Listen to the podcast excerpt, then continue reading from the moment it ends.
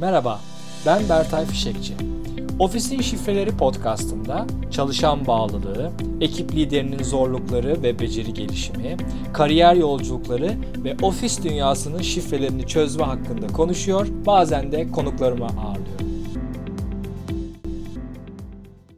Merhaba, bugün toplantılardan bahsetmek istiyorum. Harika bir toplantı deyince aklınıza neler gelir? Gereksiz kimsenin olmadığı, gereksiz konuların konuşulmadığı, zamana saygılı, karar alınan ve etkili, takip edilen ve buna gibi değil mi? Bu konuda okuduğum How to Fix Meetings kitabından 10 püf noktasını sizin için bir araya getirdim. Öncelikle toplantı hazırlığı, toplantının kendisi ve sonraki takip süresi için 40-20-40 bölümlemesini kullanabilirsiniz. Yani zamanınızın %40'ını hazırlanma, %20'sini toplantının kendisi, %40'ı da takip süresi olarak planlanabilir. Püf noktalarına buyuralım. Toplantı öncesi katılalım mı, katılmayalım mı veya kimleri çağıralım? Organize edilen bir toplantı şu durumlarda gereksizdir. Paylaşacak bilgiler sadece bir güncelleme ise ki bu güncelleme başka yollarla yapılabilir. Karar vericilerden biri bile müsait değil ve katılamayacaksa yani bir toplantı yapıp karar almadan başka bir toplantıya ihtiyaç olacaksa bir konuda geri bildirimlerin canlı olarak verilmesi gerekmiyorsa yani bir ilerleme oldu projede bununla ilgili geri bildirim topluyorsunuz ama e, bir yazılım üzerinden veya başka bir şekilde bunlar yapıl yapılabiliyorsa o zaman bu toplantı gereksiz olabilir.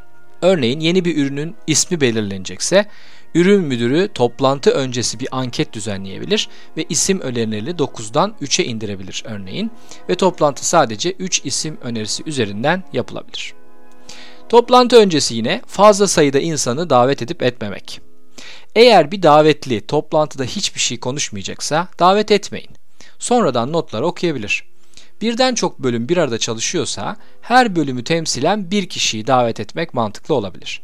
Bu bölüm adına katılanlar hem kendi grubunun fikirlerini toplantıya taşıyabilir hem de çıkan sonucu ve tartışmaları gruplarına özetleyebilir. Pazarlama direktörünü örneğin bir katkı sağlamayacaksa çağırmayın. Sadece olanı biteni görsün, ne yapıyoruz görsün duygusundaysanız büyük bir israfa yol açabilirsiniz. Bir ekleme yapmak isterim.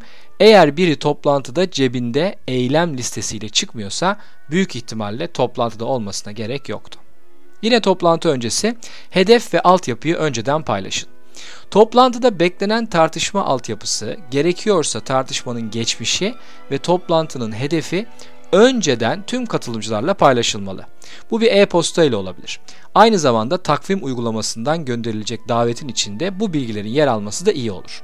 Ayrıca bu iletişimde daha detaylı okumak isteyenler için de bir bölüm olabilir. Yani davetinizin içinde bir hedef satırı olabilir. Yani 5 saniyelik anlık bir bakış neyle ilgili. 30 saniyede okunup bilgilendirilebilecek bir altyapı yani kontekstle ilgili bir bölüm olabilir veya ve onun ardından bir link ile isteyenlerin daha fazla konuyu öğrenebilmesi imkanı için daha ayrıntılı bir raporu linkle iletebilirsiniz. Yine toplantı öncesindeyiz. Toplantı öncesi uyumlanma. Bence çok sayıda toplantı aslında toplantı öncesinde bitebilir. Projenizle ilgili almayı düşündüğünüz desteği katılımcılardan toplantı öncesinde kısa birebir görüşmelerle sağlamaya çalışabilirsiniz. Bu toplantı öncesi yapılacak mini dokunuşlar görüşünüzün diğerleri tarafından bilinmesini sağlar ve size hizmet eder. Katılımcıların endişeleri veya itirazlarını birebir mini toplantıda daha kolay duyup daha kolay cevaplayabilirsiniz.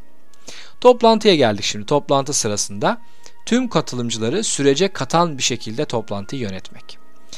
Daha konuşkan, daha ağırlığı olan katılımcıları dinlemekle beraber konunun dışına çıkılması halinde tekrar odaklı tartışmaya dönmek için müdahale edebileceğinizi lütfen unutmayın.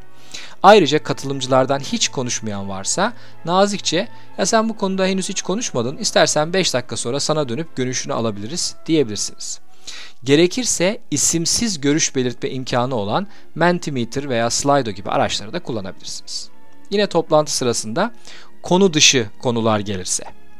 Bazen değerli bir görüş, güzel bir katkı, konuşulması gereken bir başka açıda dile getirilebilir. Fakat bunlar toplantının uzlaşılmış hedefinin dışında olabilir.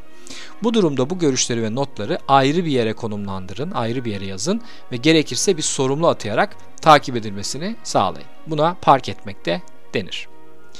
Toplantı bitti. Toplantı sonrasında her bir katılımcının ismiyle sorumluluklarının netleştirilmesi çok değerli. Toplantıyı kapatırken netleşen eylem adımları ile ilgili net olun. Önce kendi eylemlerinizi ifade edin. Ardından tüm uzlaşılan eylem adımlarını çalışanların isimleriyle ve tarihleriyle birlikte ifade edin ve iletişim yapın. Yine toplantı sonrasında keskin ve net bir toplantı e-postası gönderilmesi çok faydalı. Bu e-postada şunlar olabilir. Katılım için teşekkür, ana uzlaşılan noktalar belki 2-3 madde, uzlaşılan eylem adımları, isimler ve son tarihlerle birlikte. Eğer tekrarlanan bir toplantının raporunu yolluyorsanız, tek bir e-posta zinciri üzerinden önceki haftanın da görülmesini sağlamak verimli olabilir. Toplantı sonrasında katılımcıların hayatını kolaylaştıran bir e-posta gönderebilirsiniz. Sizin toplantınıza gelen bölüm üyelerinin kendi bölüm üyelerine gönderecekleri e-postayı da siz yazabilirsiniz. Yani o sadece iletebilir, forward edebilir ve siz mesajlarınızı ve eylemleri daha doğrudan tüm çalışanlara ulaştırmış olabilirsiniz. E bunun dışında bazı ek hoşluklar da olabilir. Nedir bunlar? Her zaman katılımcılara küçük yemekler ayarlamak, sıcak bir ortam yaratmak, belki toplantı öncesi küçük bir müzik çalmak. Yani tabi burada rüşvet kelimesi uygun değil ama bu tür hoşluklar da işe yarayabilir. Katılım ve olumlu havayı geliştirebilir, etkileşimi arttırabilir. Güzel toplantılar diliyorum.